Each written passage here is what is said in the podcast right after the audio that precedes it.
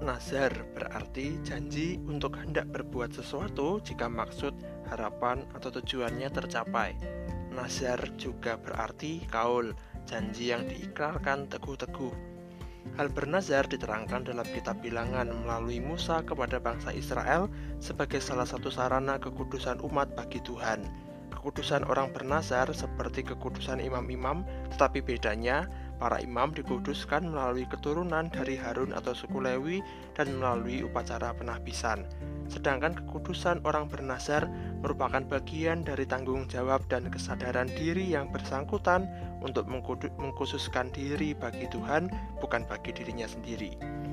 Bilangan 6 ayat 1 sampai 6 dan ayat 8. Tuhan berfirman kepada Musa, Berbicaralah kepada orang Israel dan katakanlah kepada mereka, apabila seseorang laki-laki atau perempuan mengucapkan nazar khusus, yakni nazar orang nazir, untuk mengkhususkan dirinya bagi Tuhan, maka haruslah ia menjauhkan dirinya dari anggur dan minuman yang memabukkan, jangan meminum cuka anggur atau cuka minuman yang memabukkan, dan jangan meminum sesuatu minuman yang dibuat dari buah anggur, dan jangan memakan buah anggur, baik yang segar maupun yang kering.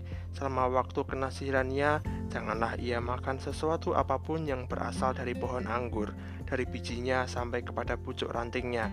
Selama waktu nasarnya sebagai orang nazir, janganlah pisau cukur lalu di kepalanya, sampai genap waktunya ia mengkhususkan dirinya bagi Tuhan, haruslah ia tetap kudus dan jangan membiarkan rambutnya dan membiarkan rambutnya tumbuh panjang.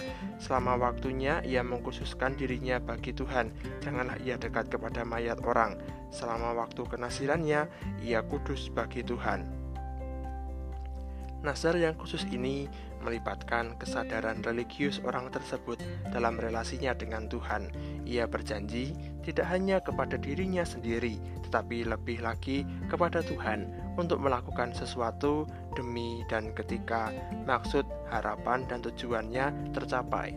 Nazar khusus bagi Tuhan ini diatur bagi yang bernazar agar orang tersebut mengkuduskan dirinya dengan hal-hal yang diatur pada bilangan pasal 6 Nazar tersebut diawali dengan ucapan secara sadar.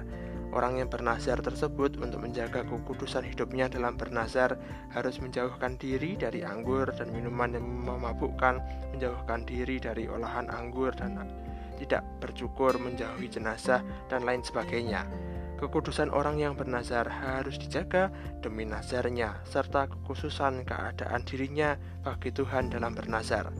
Tindakan bernazar yang disertai dengan kekudusan menolong orang tersebut untuk sungguh-sungguh dan fokus pada harapan dan maksud tujuan yang hendak dicapainya.